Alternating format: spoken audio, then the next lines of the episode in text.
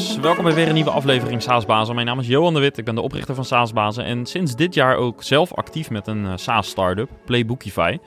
En in deze podcast uh, ga ik op zoek naar lessons learned en vandaag hoor je Henny Hoekstra van Pluvo.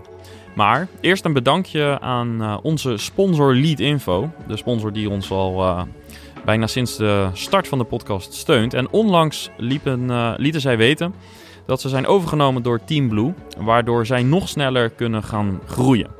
En vanaf deze plaats onze felicitaties aan het uh, hele team van Lead Info. Maar veel belangrijker voor jou als luisteraar. Ik raad aan om Lead Info te proberen. Niet alleen omdat ze sponsor zijn, maar ook omdat ik het zelf uh, graag gebruik. Want je ziet daarmee precies welke bedrijven jouw website bezoeken. En door lead info te koppelen aan je CRM-systeem kun je ook uh, deze leads, waar nodig, uh, veel makkelijker opvolgen. Als je het uh, wilt testen, ga naar leadinfo.com slash saasbazen.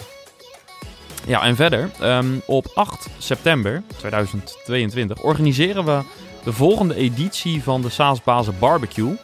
Dat is een jaarlijks event waar de community op uh, nou, een heel informele manier bij elkaar komt. En er zijn nog een paar tickets. Dus als je erbij wilt zijn, stel je het aankopen van je ticket niet uit. Uh, koop hem nu meteen, want er is plek voor 150 mensen. Meer kan simpelweg niet gezien de locatie. En de 150 is in zicht. Dus wil je erbij zijn, uh, ja, bestel dan je ticket. Zodat je dat daarbij kunt zijn. Goed, laten we naar het gesprek met Henny gaan. Let's go! Ja, Henny, van harte welkom in de Saasbazen podcast. Ja, dankjewel. Leuk dat je er bent. En um, ja, om gelijk maar met de deur in huis te vallen. Ik uh, sprak jouw uh, collega, eigenlijk de, de founder van, uh, van Pluvo.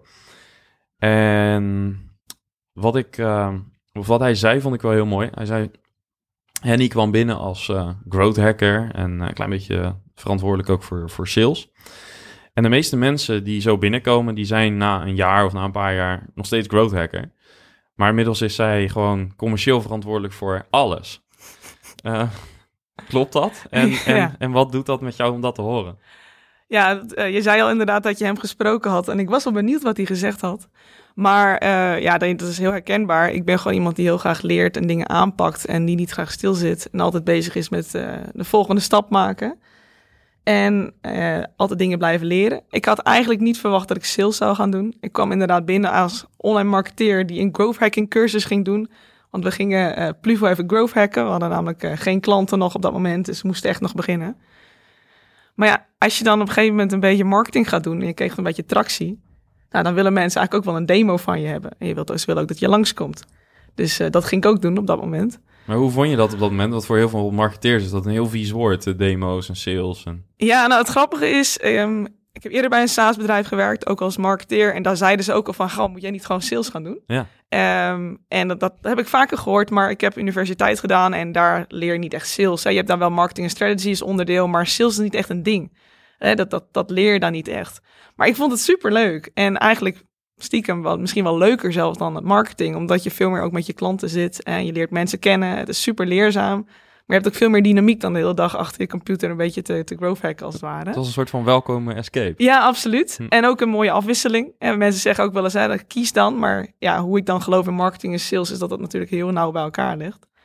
Nou, en vanuit daar verder, hè, als je geen met klanten krijgt, eh, dan moet er ook een stukje support geleverd worden. Nou, je bent een start-up. Uh, we waren gewoon met z'n tweeën en een paar developers, dus we dat moest ook gebeuren. Nou, inmiddels ben ik heel blij dat ik een team heb en uh, dat ik dat allemaal zelf niet meer hoef te doen. En dat ik gewoon lekker hoofdverantwoordelijk ben voor het commerciële stuk. Ja. Uh, maar dat was ook wel heel leerzaam, omdat je echt alle uh, aspecten ook leert kennen. Zowel marketing als sales als het supportstuk. Want daardoor leer je echt het uh, bedrijf en het product heel goed kennen. Ja, en hoe ja. doe je dat nu in je team? Want als je nu een marketeer aanneemt, geef je dan ook aan van, joh, doe een aantal demo's elke maand of ja, verdiep je in sales en vice versa. Omdat het jou blijkbaar heeft geholpen om een betere professional te worden. Ja, absoluut. Iedereen moet uh, verplicht, nou ja, verplicht is het niet echt, maar, maar ik plan dat wel in, uh, op onze support zitten. Uh, vooral aan het begin, omdat dat denk ik echt de beste manier is om het product te leren kennen. Dus ik neem ze ook mee naar demo's. ze mogen soms ook wel zelf eentje geven, maar ook gewoon die chatshiften bij ons doen.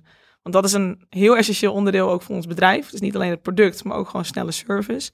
En je gaat bepaalde vragen krijgen, daar kom je niet achter als je er niet mee bezig gaat. Dat kom je alleen achter als je die klanten spreekt. Dus iedereen uh, moet eigenlijk ook uh, een stukje support gaan doen, vooral in het begin van een uh, functie. Ja, oké. En hoe ziet dat er in het hiring-proces uit? En ik kan me voorstellen dat je eigenlijk in een vroeger stadium al wil snappen of iemand zeg maar die rol op zich kan nemen. Of... Ja, nou, wat je vooral ook ziet, hè, ehm, bedoel, het is natuurlijk een krappe markt, dus je bent altijd een beetje aan het zoeken van hoe vind je nou mensen. Nou, daarin hebben we de laatste twee mensen die we hebben aangenomen, hebben ook heel anders gedaan. We hebben niet eens een vacature geschreven. En we hebben gewoon mensen uit het netwerk benaderd. En dan ook kijken van, goh, wat kunnen ze al over je product uh, vertellen? En kunnen ze ook al vertellen wat er beter kan?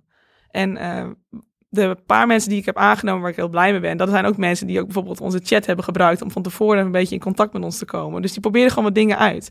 En dat is ook denk ik de mindset die je moet hebben. Ik denk dat iedereen alles kan leren, maar je moet het wel durven en je moet het wel proberen. En daar kijk ik ook heel erg aan. Meer naar potentie dan naar de ervaring die je hebt. Ja. Nou, dan heb je het brugje naar leren al gemaakt. Uh, want Pluvo, wat doen jullie? ja, goede vraag natuurlijk. Hè?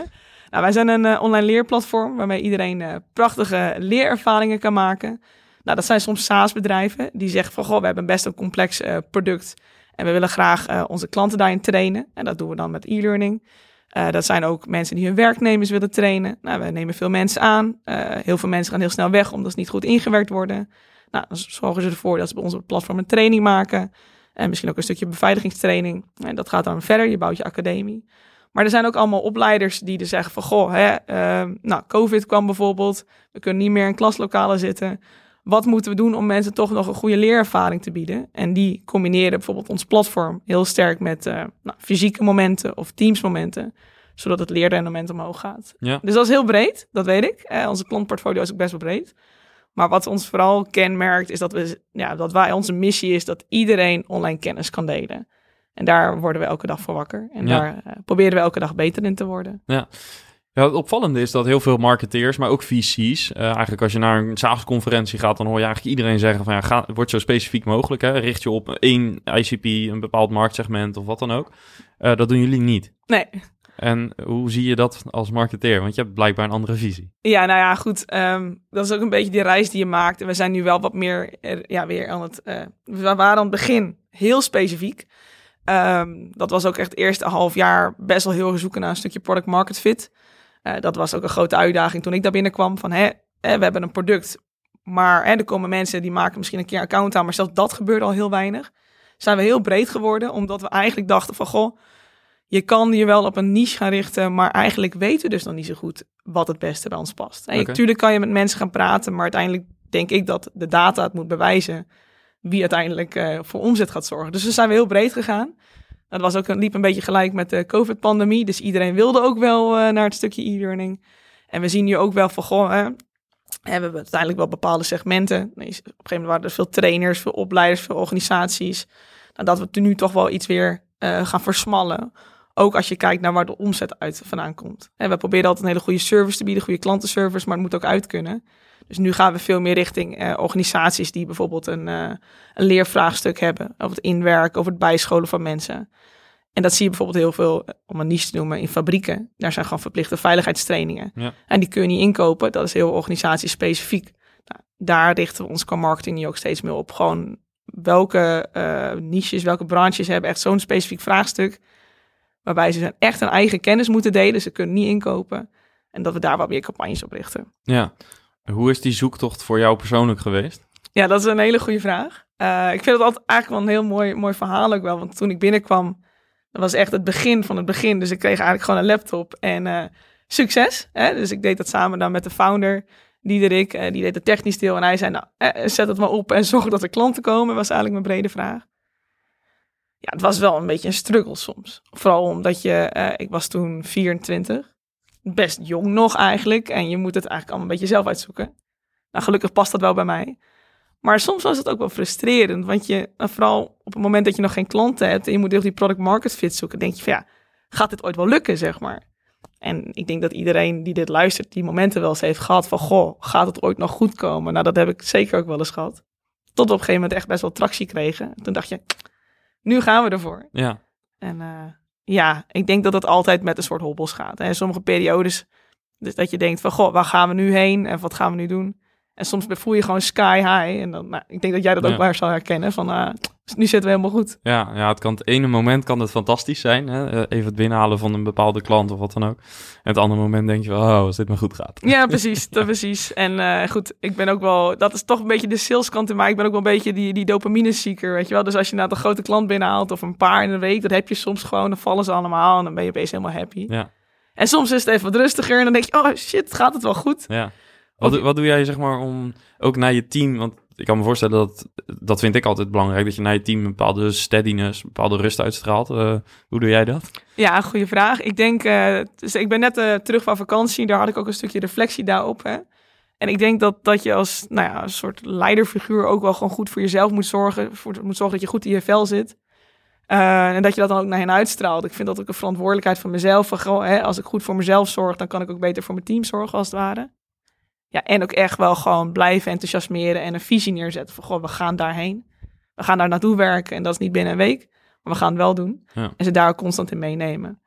En wa- wat is goed voor jezelf zorgen, voor jou? Ja, veel sporten. Ja, Ik zit natuurlijk bij jou ook in die, die, die SAAS eh, WhatsApp-groep eh, voor sporters. Ik zeg er nog niet zoveel in, maar eh, ja, ik sport wel vier, vijf keer per week. Doe ik dan crossfit en dat helpt heel erg. En veel wandelen ook wel. Ik denk dat ja, een van de hacks voor mezelf om creatiever te worden of om oplossingen te vinden. Als je het even niet meer weet, hè, dat heeft helemaal geen nut om achter die laptop te blijven zitten. Ga gewoon even naar buiten, even wandelen. Zorg voor wat rust in je kop, want Ja. daarom ben je daarna veel productiever. ja, ja super belangrijk. Ja. Ehm, daarmee wijk ik een beetje af van het onderwerp waar we het over hadden. Ik vind het overigens wel een interessant zijpaadje. Maar, eh, d- dus, dus eigenlijk eh, ga je op een gegeven moment weer wat specifieker. Ehm, k- kun je ons een beetje meenemen in hoe dat er marketingtechnisch bij jullie uitziet? Dus jullie eh, komen dan hè, vrij recent, als ik het zo hoor, tot de conclusie dat je inderdaad wat tractie ziet binnen een bepaald specifiek segment. Ehm, hoe ziet vervolgens jouw aanpak eruit op het gebied van marketing? En misschien moet ik wel zeggen marketing en sales in jullie geval. Ja, dat is een eh, hele leuke vraag. Ik denk, eh, ja, wij geloven wel heel erg in, eh, in die growth hacking methodiek. Zoals ik zei, ik begon als online marketeer die even een growth hacking studie ging doen. Nou, daarin heb ik me ook heel erg in verdiept, omdat ik wel heel erg in geloof van, goh, je weet het eigenlijk allemaal niet. Je kan hypotheses hebben, maar je moet het echt testen. En ik denk dat dat iets is wat je constant bij ons ziet. We werken ook met growth sprints, waarbij we, ja, we kunnen ideeën hebben. Ja, we definiëren heel duidelijk, wat is het experiment, wat gaan we testen, hoe gaan we testen en wanneer is een resultaat significant. En doe je dat met alleen marketing of zit daar ook iemand van product bijvoorbeeld bij? Ja, ook met van. Ook. Eigenlijk is dat een ja, breed team. Eh, hè, dus dus eh, iemand van product zit erbij, marketing, sales, maar ook eh, customer support doen we die experimenten bij. Oké. Want ik geloof eigenlijk dat, dat vind ik het mooie van SaaS. Het zijn geen silo's, het zit zo met elkaar verbonden. Dus je hebt elkaar daar ook bij nodig. Ja. En zo'n sprint, hoe lang duurt dat? Meestal twee weken. Oké. En eh, dan hebben we bijvoorbeeld bepaalde deliverables die we ook willen zeggen. Kijk, sommige dingen zijn ook wat groter. Hè? Dus je kan bedenken, we gaan een... eh, vooral als je het in het product zit, die, die zijn lastiger. Als we zeggen, goh, we hebben nu bijvoorbeeld bedacht... We hebben afgelopen jaren best wel wat features erbij gebouwd. En nu denken we vooral, het moet allemaal veel simpeler. En als we echt product-led willen worden... eh, daar heb ik mij de laatste tijd ook heel veel in verdiept. nou, die boeken ook gelezen die jij ook gelezen hebt over product-led growth. Van, goh, hoe ga je dat nou doen? We hebben de features die we nodig hebben. Want daarmee verloren we van onze collega's. Die hebben we nu. Nou, zorg nu voor dat het makkelijker wordt. Alleen als je bijvoorbeeld gaat zeggen van... Goh, ik wil het hele onboarding, press naar voren, eh, onboarding proces naar voren halen. eh, dat vaak ook best wel wat development kracht. Dus je kan niet zomaar zeggen, dat doen we even in twee weken, zeg maar. Nee, dat is geen marketingvraagstuk. Nee. Nee. Maar het zit wel in, in, in, in de growth sprint van... Goh, hoe gaan Ja. we sneller schalen? Wat moeten Ja. we naar voren halen? Dus die, die duurt wat langer. Maar zo zagen we laatst bijvoorbeeld... en dan kijken we weer naar de data. Goh, waar, wat zijn nou de pagina's die via Google het vaakst gevonden worden? Via SEO, zeg maar. Nou, dat was heel erg gericht op onboarding bijvoorbeeld. Eh, inwerken van nieuwe mensen. Eh, daar, bedoel, wij schrijven heel veel blogs. Of ja, hebben freelancers voor. Hè, maar eh, dat doen we heel veel. Dus oké, dus wat kunnen we dan doen? Oké, hè, maar die mensen maken bijvoorbeeld geen account bij ons aan. En dus overal kun je wel een call to action hebben. Maar die zit natuurlijk nog helemaal aan het begin van die funnel. Die leert voor het eerst jou kennen. En ik denk, wat moet je dan doen? En toen dachten we, goh, wat kunnen we nou be- bedenken... zodat ze wel bijvoorbeeld een mailadres achterlaten... en daarna dat ze in een funnel gegooid worden. Ja, dat hebben we toen gedaan. En dat hebben we inderdaad binnen twee weken dan ontwikkeld. Oké, laten we eens een keertje zo'n checklist ontwikkelen. En gewoon een download erbij. Dat klinkt heel oldschool, maar toch werkte dat. En je ziet uiteindelijk dat die mensen uiteindelijk wel weer zo'n account aan gaan maken. En dat moet je gewoon proberen. En die, dat experiment is gelukt. En de meeste experimenten mislukken natuurlijk. Maar het gaat er wel om dat je constant bezig bent van... goh, wat kunnen we nou doen om weer die 1% beter te worden? Ja. En eh, hoe ga je bijvoorbeeld om met experimenten die wel veel langer duren? Zo'n product, eh, ja, eh, iteratie eigenlijk. Maar bijvoorbeeld ook een, een SEO-hack of iets dergelijks, ja, kan wel een paar maanden duren. Dus hoe ga je om met het meten en, en van dat soort experimenten en hoe hou je dat ook actueel, zeg maar? Want op een gegeven moment kun je misschien wel eh, twaalf experimenten veel langer hebben lopen. Dus hoe hou je grip op eh, die planning, zeg maar? Ja, dat is een hele goede vraag. Kijk, we bepalen natuurlijk per experiment wel van, goh, wat is dan de leerfase? En dus vaak zeggen ze, de leerfase is na twee weken kun je genoeg data verzameld hebben, maar je moet weer realistisch zijn. En als jij iets met SEO doet, soms gaat dat heel snel, maar je weet dat dat een marathon is en geen sprint. Dus dat wordt dan gewoon een veel langer project. Ja. Ehm, en dan blijft het ook iets langer in de leerfase. Maar je denkt van tevoren wel na van, goh, hè, ehm, wanneer hebben we genoeg data verzameld om te kijken of het überhaupt iets gedaan heeft. Ja. Kijk, we hadden laatst bijvoorbeeld een heel klein dingetje veranderd in de software. Ehm, we, hadden, we hebben een hele nieuwe frontend gelanceerd afgelopen jaar. Nou, dat was best wel een, een project. En er was één bepaald knopje, uh, die best wel belangrijk is voor het onboardingproces, die was ergens anders naartoe. En nou, we hebben nu ook Mixpanel, dus je ziet hoe vaak inderdaad dat aangemaakt wordt. Dat is bijvoorbeeld een heel klein dingetje, dus die je wel weer snel kan meten, want daar heb je dus heel snel genoeg data. Dus oké, van alle nieuwe gebruikers in de afgelopen 30 dagen, vergelijk dat even met de maand daarvoor dat dat knopje er niet was. Wat gebeurt er dan bijvoorbeeld? Dus dan kun je best wel snel zeggen dat heeft nut gehad of dat heeft Ja. geen, geen nut gehad omdat je genoeg data hebt. Maar met zo'n blog bijvoorbeeld, een SEO-strategie, ja, je moet wel weten wanneer je genoeg data verzameld hebt om te kijken wanneer het significant is. ja, dus dat bepaal je vooraf, zodat je Ja. acties eh, eh, met betrekking tot meetbaarheid later kunt plannen. Zeg maar. Precies, Ja, precies. En ook constant bezig blijven met dat. Het is niet zo van, van goh, hè, we hebben nu dit gedaan. Oh, het is mislukt. Gooi maar weer weg. We proberen ook wel te kijken van, hey, eh, kunnen we bepaalde dingen veranderen of meer AB-testen of variabelen toe, aanpassen om te kijken of het dan wel werkt. Ja. En op een gegeven moment moet je soms ook wel zeggen van, ja, weet je, we hebben nu zoveel dingen geprobeerd, veranderd, geëxperimenteerd. Misschien moet het ook gewoon mee stoppen. Ja. Zoals Pinterest bijvoorbeeld. Als je het toch over marketing hebt. Ehm, dat was volgens mij twee jaar geleden echt best wel een hype. Ik zag ook best wel wat softwarebedrijven die daarmee dingen probeerden. En er waren heel veel, eh, heel veel bereik op Pinterest. Echt eh, honderdduizend mensen per maand, zeg maar. Op een gegeven moment zat het op 700.000 mensen per maand. En dus wij dachten, nou, dat gaat wel goed, weet je wel. Maar uiteindelijk als er gewoon nul conversies uitkomt... dat die mensen helemaal niet echt doorklikken naar je website en verder niks doen... dan is dat ook zonde, toch? Ja. En, en hoe bepaal je wat prioriteit gaat hebben in zo'n sprint? Dus hoe bepaal je bijvoorbeeld het doel van een sprint? Ja, ik denk dat dat ook te maken heeft met een wat meer strategisch plan. Dus ehm, eh, we kunnen natuurlijk allemaal dingen verzinnen. Maar we, we zijn altijd wel bezig met een bepaalde eh, eh, fase in, in, de, in de pirate funnel, als het ware.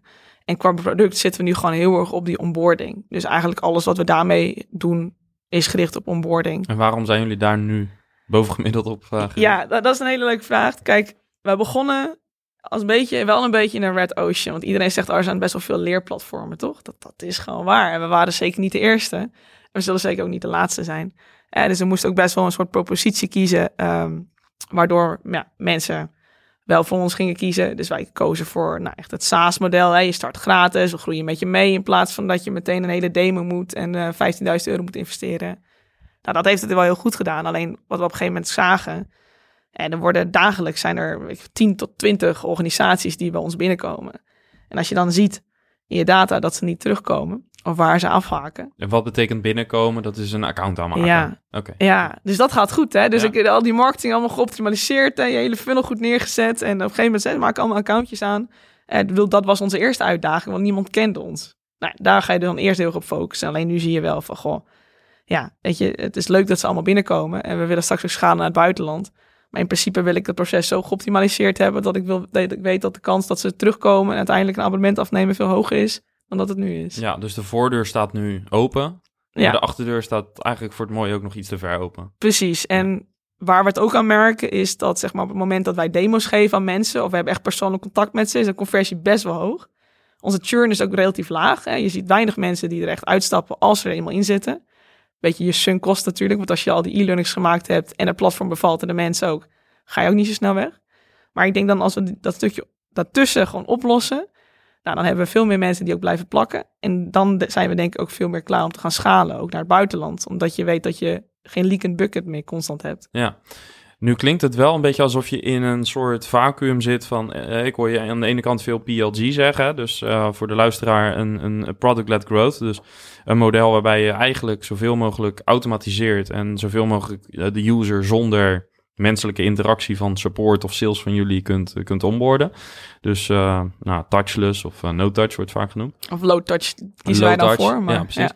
Ehm, maar aan de andere kant, eh, als je inderdaad wat meer de demo's nodig hebt en sales nodig hebt, dan uh, ja, dat is niet echt PLG-kenmerk. nee. Dus, uh, uh, waar staan jullie in dat proces en, en wat is voor jou de horizon? Waar, wat, ja, waar wil je naartoe? Ja, dus, dus wij geven nu natuurlijk ook best wel veel demo's. Ook omdat we bijvoorbeeld zien bij bepaalde doelgroepen. Bij grotere organisaties, die willen ook gewoon een demo. Dat zijn ook mensen die maken niet eens een account aan. Die willen een demo en op een gegeven moment uh, kiezen ze ervoor om klant te worden. En dan zullen ze ook in ons implementatieproces komen. Nou, daar gaan we straks ook over hebben, over die services. En er zit een beetje een tweedeling in. Maar je hebt bijvoorbeeld de nou, wat jongere garde bijvoorbeeld. Uh, wij zien vooral ook een verschillende leeftijd misschien. Wij zijn bijvoorbeeld, jij en ik zijn heel gewend, oh, we proberen eerst het product uit. We willen helemaal geen demo, we willen gewoon proberen, gewoon doen en dan zien we wel uh, of het bevalt of niet. Uh, net en als wat wij Het liefst in een paar minuten. Het liefst in een paar minuten. Ja. Ik bedoel, wat is het? De first strike moet heel snel zijn. Ja. dus daar zien we wel gewoon een verschil in. En we zien nu dat we hebben, we hebben dat hele sales wel echt nodig, nog, omdat de het product is goed dus. Hè? Dus op het moment dat we het laten zien en ze ervaren het en we nemen ze aan mee, zijn ze allemaal enthousiast. Alleen dat moet je dus wel laten zien ook, dat gevoel geven aan mensen die je niet spreekt. En daarom zitten er een beetje tussenin. Dus als je vraagt waar wil ik heen, uh, daar heb ik een heel mooi proces voor uitgewerkt. Is uiteindelijk dat we bepaalde milestones hebben die mensen uh, moeten behalen als ze binnenkomen. En als dat, helemaal, dat proces helemaal goed staat, dan gaan we ze ook uh, kwalificeren als een product-led lead. En dan zullen ze ook vanuit sales opvolgen als het interessant genoeg is. Ja, en eigenlijk dus wat jullie nu nog uh, menselijk doen met demo's, dat wil je eigenlijk uiteindelijk in het product hebben. Ja, eigenlijk wel. Ja, en, en dat... Wat durf je te zeggen over een timeline? Wat staat er in dat plan? Nou, ik hoop dus, zeg maar, als een beetje. We, we zeiden natuurlijk, we zijn altijd optimistisch. Hè? We dachten over een half jaar en dan zijn we daar. Ja. Nou, ik denk, ik, over een jaar zijn we daar zeker wel. En dan zijn we ook in mijn ogen ook echt wel klaar om te gaan opschalen naar het buitenland. Omdat dit natuurlijk wel een markt is waar Nederland in voorop loopt. Hè. De edtech is echt uh, hier groot. Nou, we hebben in België ook best wel veel klanten inmiddels. Maar als je bijvoorbeeld kijkt naar Duitsland uh, of Frankrijk, daar is nog heel veel ruimte voor groei. Daar zijn ze helemaal nog niet zo ver. Uh, maar ik denk als je echt een stukje schaalbaarheid denkt, dan kun, tuurlijk kun je een bak salesmensen aannemen. Maar ik geloof uiteindelijk wel in dat het je product je fundering is. En die moet gewoon goed zijn. En mensen moeten ook gewoon binnenkomen en dat snappen dat het goed is. Ja ook later in het proces. En als je inderdaad, stel je voor, ik uh, verkoop via jou, uh, aan jou via sales eigenlijk een heel mooi platform. En jij nodigt uiteindelijk je collega's uit, of uh, jij gaat weg en dan komt iemand anders het overnemen. En die komt binnen, die snapt er helemaal niks van. Uiteindelijk denk ik op de lange termijn dat het ook heel belangrijk is dat je, dat je een stukje product-led growth sowieso daarin meeneemt. Dat ja. een duidelijk platform is. Ja. Uh, nu kun je, denk ik, uh, er zijn genoeg voorbeelden van producten die, uh, waarvan vooraf gedacht werd. Dat is te complex om te gebruiken zonder uh, menselijke demo's en dat soort zaken. Um, maar die bedrijven is het toch gelukt. Um, daar wil jij ook naartoe. hoe zit het, zeg maar, met. Ja, misschien zelfs een beetje politiek, change management. jij noemde het zelf al didactisch vraagstuk wat een organisatie heeft. dus, dus meer de content van het platform. Hoe ver Gaan jullie daarin, in het begeleiden van klanten daarin? En ja, hoe zou dat dan op lange termijn binnen PLG passen? Ja, dat is, dat is een hele interessant vraagstuk waar we ook nog niet helemaal uit zijn. Want kijk, wij dachten gewoon, toen we begonnen, dachten we zijn gewoon een SaaS-platform. En iedereen moet met ons uh, die kennis online kunnen delen, zo makkelijk mogelijk. En dat is gewoon een SaaS-vraagstuk, dachten wij.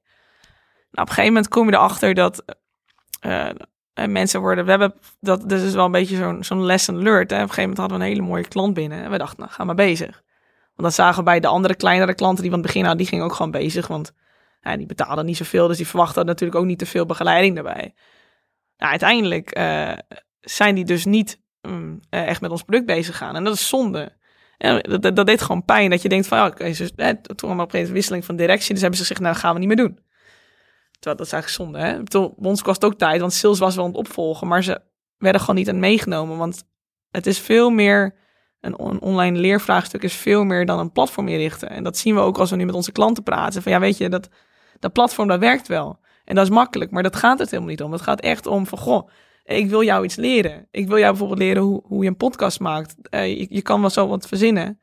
Maar het is een veel groter vraagstuk en er komt een heel stuk onzekerheid op zitten van, goh, uh, weet ik eigenlijk wel hoe je een podcast maakt?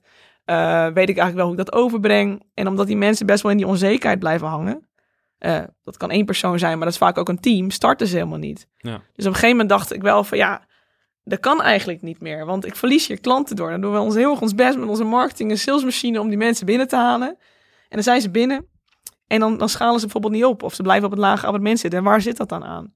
Nou, omdat wij vooral ook merkten bij, bij grotere organisaties, ja, die willen ook gewoon bijvoorbeeld een workshop hebben. Die willen meegenomen worden. Die willen dat stukje onzekerheid kwijt. En die willen gewoon een beetje hulp van ons, onze kant. Ja, dan vraag je mij inderdaad, hoe zie je dat qua schaalbaarheid? Ik denk nog steeds in de toekomst, oh, hoe product-led growth ook zijn. Uh, ik denk nog steeds dat we die vraagstukken gaan hebben.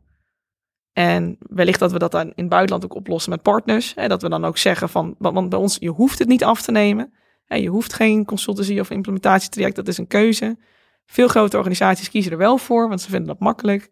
Nou, ik denk dat we dat in het buitenland waarschijnlijk misschien ook wel met partners gaan doen. Dus dat kan er altijd bij gekocht worden. Maar alsnog, het product is de fundering. Dus Ja. die moet goed zijn. Ja. Is het fair om te zeggen dat jullie hebben gerealiseerd dat je klant eh, niet op zoek is naar een softwareoplossing om een e-learning te maken, maar dat zij bijvoorbeeld hun klanten willen trainen om eh, hun software te gebruiken, of dat ze hun medewerkers willen trainen en dat ze dus dat dat de uiteindelijke behoefte is, eh, goed getrainde medewerkers en niet een e-learning platform. Nee. Is, is dat een beetje de, de definitie, definitieverschil wat jullie intern ook gebruiken? Ja, want ik denk dat inderdaad een, een, een valkuil voor veel SaaS-bazen, waaronder ik zelf natuurlijk ben, is dat je heel gaan functionaliteiten gaat denken. Ja. En, maar dat is helemaal niet de pijn die je wilt oplossen. Nee, je maakt, je- niemand wil het platform. Nee. Niemand wil jouw software. Precies. Ze Eigenlijk willen niet. een probleem oplossen en daar gebruik je je software voor. Ja, En, en dat inzicht heeft jullie dus geholpen om eh, nou, bijvoorbeeld na te denken over... eh, om, om toch onboarding, diensten en services te leveren...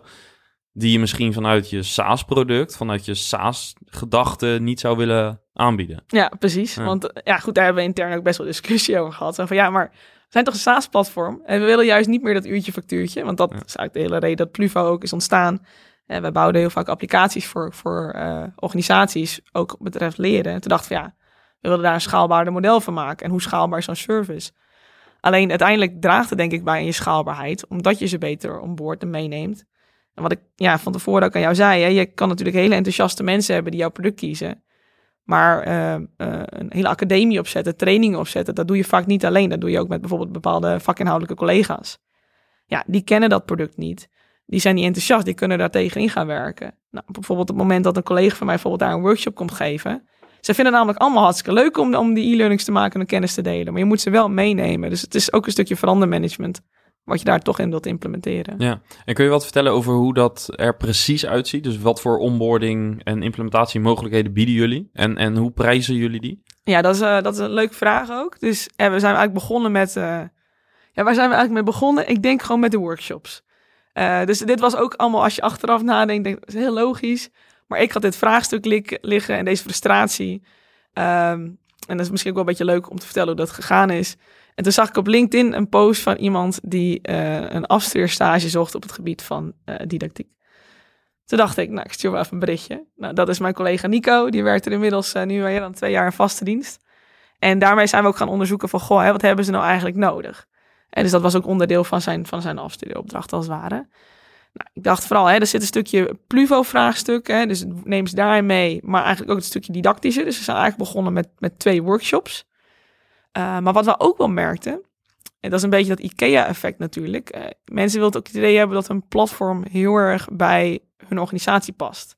En dat is echt een van de USP's die wij hebben. Er staat nergens een stukje branding van Pluvo. Het is echt je eigen academie. Dus, we dachten, dus die drie gedachten waren er een beetje. Dus daar zijn we eigenlijk ook mee begonnen. En toen dachten we qua pricing, ja, die, die Pluvo workshop, dat moet eigenlijk gewoon een beetje break-even zijn. Dat moeten we gewoon kunnen doen, omdat dat voor ons uiteindelijk ook uh, uh, gewoon een soort investering van beide kanten is. En bij die andere pricing hebben we gewoon op een gegeven moment gedacht van ja, weet je, we proberen wat en kunnen het verkopen. Nou, toen dachten we op een gegeven moment van mag wel ietsjes omhoog, zeg maar. Hè? Uh, maar dat was ook gewoon een beetje proberen en kijken van ver, verkoop je het nou eigenlijk?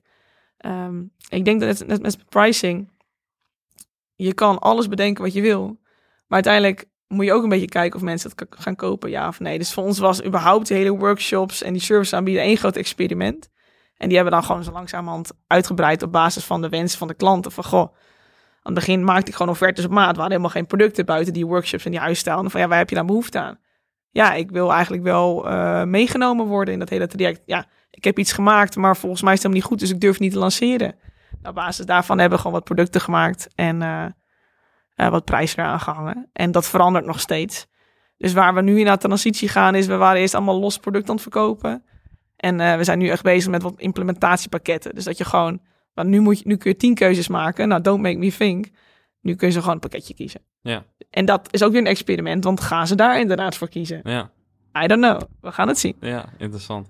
Ja, wat ik heel goed vind aan ook je verhaal is ehm, de actie. Die, je, je noemt het niet zo letterlijk, maar er zit heel veel actie in. Hè? Dus het is niet al te lang nadenken over ja, wat zou kunnen werken. Maak er een experiment van. Ja. Ja. Ja, absoluut. Gewoon proberen. Ja. Waar komt dat vandaan? Die houd, is, dat iets wat jij in het bedrijf hebt gebracht? Of Was dat al van, zat dat al daarvoor al in het DNA? Of? Ja, ik denk dat dat wel kenmerkend is van ons bedrijf. Hè. Als er een, eh, eh, een probleem is, moet je gewoon fixen. Eh, dat, heb ik, dat, dat is ook wel gewoon wat ik heb meegekregen. Maar ik denk ook wel dat het deels in mij zit. Ik ben best wel actionable. Als, als ik een idee heb.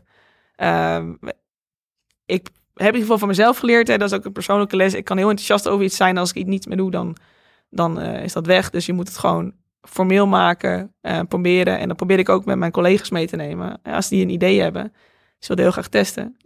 Be my guest. Maak een experiment van. Maak het wel zo dat we het kunnen meten en kunnen kijken wat de impact is. Maar blijf wel die ideeën die je hebt eh, gebruiken en, en neem die mee in het proces. En mensen vinden dat heel leuk, maar ik vind dat zelf ook heel erg leuk. Ja. Eh, dus ik denk ook echt dat het gewoon in het DNA zit eh, van ons bedrijf. Heel die growth mindset. Blijf leren. Blijf experimenteren. En blijf niet te lang hangen in een stuk visie en een strategie. En moeten we dat nou wel doen, ja of nee? Je weet toch niet of iets gaat werken totdat je het probeert. Daar Ja. geloven wij heel erg in. Ja. En, en hoe vertaal je dit binnen het hele bedrijf? Want binnen marketing is dit denk ik relatief makkelijk, hè? omdat je daar ook echt wel bepaalde formats voor hebt en frameworks. Ehm, eh, hoe, hoe ziet dat eruit binnen jullie eh dev-team bijvoorbeeld? En hoe gaat de product owner om met deze mindset? Ja, kijk, dus dan wordt het wel lastiger. Kijk, ik denk dat aan het begin is dat makkelijker. Als je gewoon nog niet zoveel veel klanten hebt, eh, dan kun je best wel rigoureuze veranderingen maken. Ehm, en inmiddels zitten er zoveel mensen in dat het wel een ander ding wordt. En je hebt ook, nou, dat, die discussie hebben wij volgens mij ook wel eens in de SaaS-bazen meetup gehad. ehm, de klantwensen versus je eigen visie. Nou, dat is best wel een balans zoeken. En ik merk dat we daar nog steeds wel mee bezig zijn. En dat we nu aan het overgaan ook zijn naar een andere fase. Van hoe kun je dat nou wel steeds sneller doen? Want ik geloof nog steeds in de boekings van deze wereld. Die hebben ook du- duizenden experimenten. Je moet dat wel blijven doen. Maar we zijn nog wel een beetje zoekende in hoe kunnen we dat nou integreren in het een development proces. Terwijl we ook onze klanten tevreden houden. Ja. En dat is nog steeds wel een beetje een zoektocht. Dus Ja. ik denk dat dat voor marketing en sales veel makkelijker is. Ja. Omdat je daar nou, ja, ook geen development kracht altijd voor nodig hebt. Je kan het gewoon experimenten opzetten, gewoon doen. Ja, je kan het veel makkelijker aanpassen zonder dat het heel veel impact heeft. Het kan hooguit zorgen dat, het even, dat je wat minder leads hebt. Misschien Precies. e- even in een paar weken, maar dat kun je terugdraaien. Ja. Bij een product met veel gebruikers is dat, eh, is dat lastiger. Ja, toch? En eh, het is dus ook zonde kijken op het moment dat wij er inderdaad voor kiezen om heel, iets heel erg anders te doen. En je ziet inderdaad dat eh, de, die- die, de mensen die terugkomen veel lang, lager wordt. Ja, dat doet best wel pijn. Ja. En dus dan moet je dat ook snel terug kunnen draaien. En ja, we moeten nog echt wel een beetje zoeken van goh, hoe deze mindset, we hebben het allemaal. Het past binnen ons DNA, het past bij wie we zijn. Maar hoe zorgen we ervoor dat, dat je dat door het hele bedrijf doorvoert? Ja. Nu, nu zit er in, in zo'n approach natuurlijk ook heel veel onzekerheid. Hè? Zoveel experimenten doen. Dat betekent ook dat je best wel oké moet zijn met eh, dat je het niet weet. En dat het misschien ook een tijdje kan duren voordat je eh, dat weet. Eh, want je gaat ook wat meer de onconventionele dingen doen. Je, je komt binnen zo'n aanpak, kom je sneller op wat wildere ideeën dan dat je gewoon zegt van nou, we gaan voor SEO, we gaan een blog maken en ga zo maar door. Ik denk dat jullie daarin dus ook creatiever zijn. Ehm, hoe, hoe ga jij zelf om, ook vanuit je leiderschapsrol, met die onzekerheid? Ja, dat hangt natuurlijk een beetje van af. En ik denk dat je dat ook wel zou herkennen. Je hebt betere momenten en slechtere momenten waarschijnlijk. Uh, maar ik denk dat het gewoon belangrijk is om die stip op de horizon te blijven houden. En jezelf ook te blijven herinneren dat het een experiment is. En dat je mag falen. Kijk, we leven natuurlijk wel een beetje in een maatschappij. Hè? Iedereen moet heel erg presteren en alles goed doen. Uh, ik probeer dat ook vanuit mezelf gewoon te accepteren van, goh, hè, falen is leren. Dat heb ik ook ergens opgeplakt. Oké. Ehm, En always be learning, weet je wel? Dat je, er heel, je probeert jezelf ook aan die mindset te herinneren. Dus natuurlijk neem je je team daarin mee, maar je moet jezelf daar ook aan blijven herinneren. Dat als een keer iets niet lukt, eh, dus zie dat niet als een failure over het vervelen, maar meer van, goh, wat, wat kan ik dan de volgende keer anders doen? Of wat zouden we kunnen doen waardoor het wel lukt? En ik denk, als we heel eerlijk zijn, het ene moment gaat het beter dan het andere, want iedereen heeft zijn eigen ego. Ja. En je wilt ook gewoon dat alles succesvol is, Ja. toch? Maar dat is gewoon niet altijd zo. En dat is ook denk ik gewoon een persoonlijke groeiles die je moet hebben, dat je dat ook, dat je daar oké moet, met moet leren zijn. Ja. Want, want dat je heel erg van het leren bent en dat je het falen ook kan accepteren, dat is duidelijk. Maar wat, wat is dan, zeg maar, wat is jouw relatie met falen echt? Want eh, even persoonlijk, ik vind dat vaak lastig. Ehm, theoretisch snap ik het concept, hè, ook wat je omschrijft, als ja, eh, fa- je faalt niet per se, of als je het ziet als falen, eh, dan kun je er altijd wel wat van leren. Eh, maar dat klinkt in de praktijk best wel makkelijk. Maar dat is het niet. Maar dat is niet altijd. Dus Nee. hoe werkt dat voor jou? Wat is je relatie met dat falen dan? Nou ja, zoals ik zei, het is een struggle. Eh de ene moment gaat dat heel goed. En dan denk je, dan ben je gewoon in een hele goede mindset. Van nou, dit hebben we geleerd, we gaan nu dit doen. En een ander moment is dat echt wel lastiger. Eh, dan word je zelf ook wel onzeker. En ik denk dat iedereen zijn eigen onzekerheden daarin wel heeft. Dat je denkt van, goh, hè, doe ik het allemaal goed? En had ik het niet helemaal anders moeten doen? En eh, ben ik hier wel geschikt voor? Ik, ik- denk dat, als we heel eerlijk zijn... ehm, dat is eigenlijk een van de lessen die ik dit jaar heb geleerd... is dat eigenlijk iedereen onzeker is. Het maakt niet uit hoe, hoe hoog een CEO, op welk level je zit. Ik denk dat iedereen dat wel heeft. En dat je dat soms heel goed kan maskeren. Eh, maar dat het ook helemaal niet erg is om af en toe onzeker te zijn over dingen.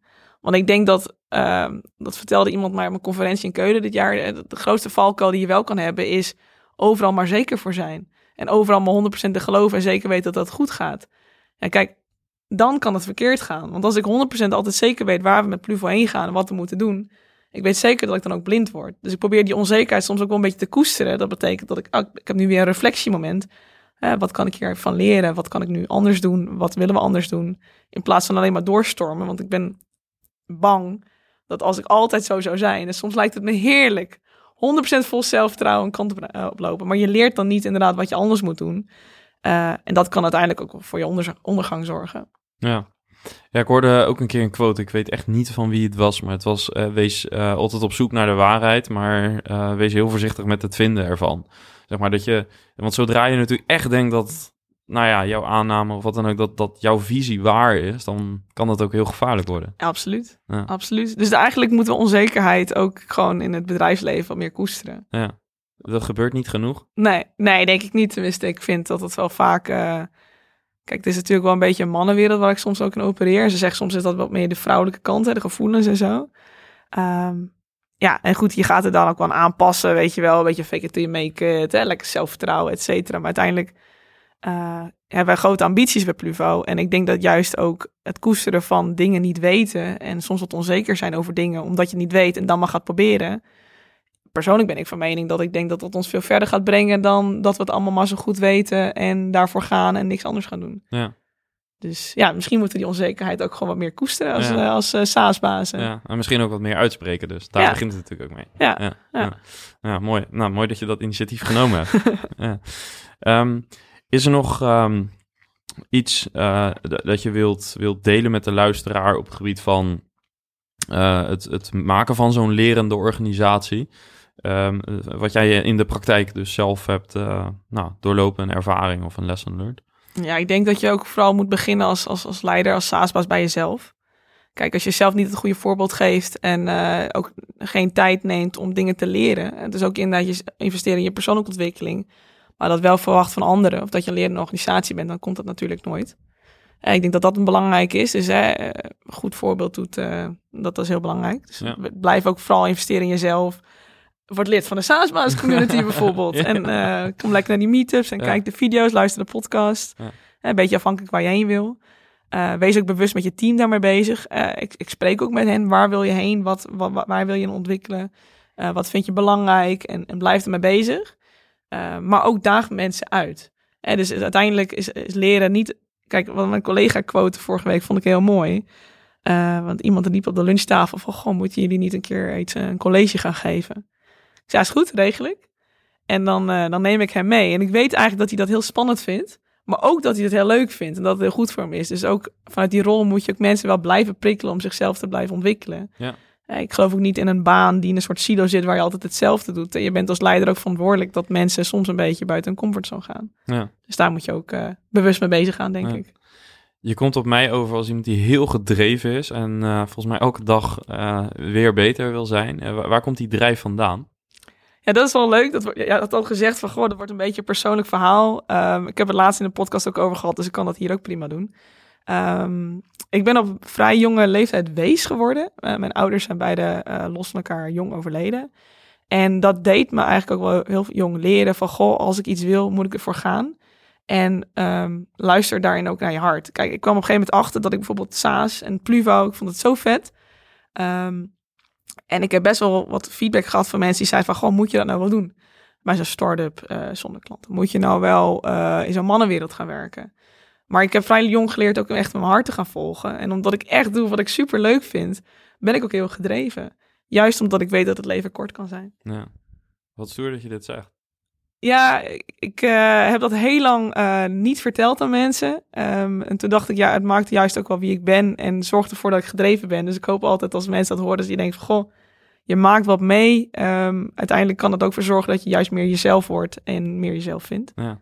Mag ik nog een vraag over Ja, stellen? tuurlijk, ja. Eh, ik had het gelezen overigens, maar eh, ja, het is eh, nogmaals knap dat je dat dan ook hier deelt. Ehm, is het ook zo dat, en ik guess een beetje, dus misschien gaat dit nergens heen, maar ehm, het, het feit dat dit je is overkomen, heeft dat je ook doen realiseren dan dat je, en, is dat die driving force dat je dingen snel wil bereiken, dat je, je zei zelf al, het kan kort zijn. Eh, Ja. Is, is dat wat je stimuleert? Om, om er alles uit te halen? Ja, misschien wel. Dat heeft natuurlijk twee kanten. Hè. Sommige mensen zeggen wel eens, goh, je wilt echt alles uit het leven halen. Uh, maar ik heb gewoon geen zin om ongelukkig te zijn. Ik heb geen zin om iets te doen uh, wat me niet happy maakt. En uh, omdat nee, ik ken eigenlijk ook iets te veel mensen in mijn leven om me heen die gewoon maar op een plek blijven zitten en dingen blijven doen. Heel veel ideeën hebben, maar dat niet durven omdat ze het eigenlijk te onzeker zijn. En ik denk dan juist, doe het juist wel, want je weet niet hoe lang je ervoor hebt. En dat, is, dat zie je denk ik misschien ook wel terug in mijn werkwijze. Hè? Als wij iemand een goed idee heeft, die wil het gaan proberen, probeer het maar. Doe het wel gestructureerd. Hè? Zorg er wel voor ja. dat, dat dat het nut heeft en meet het en doe er wat mee. Dus daarom Ja. dat, dat growth hacking heel goed bij mij past. Ja.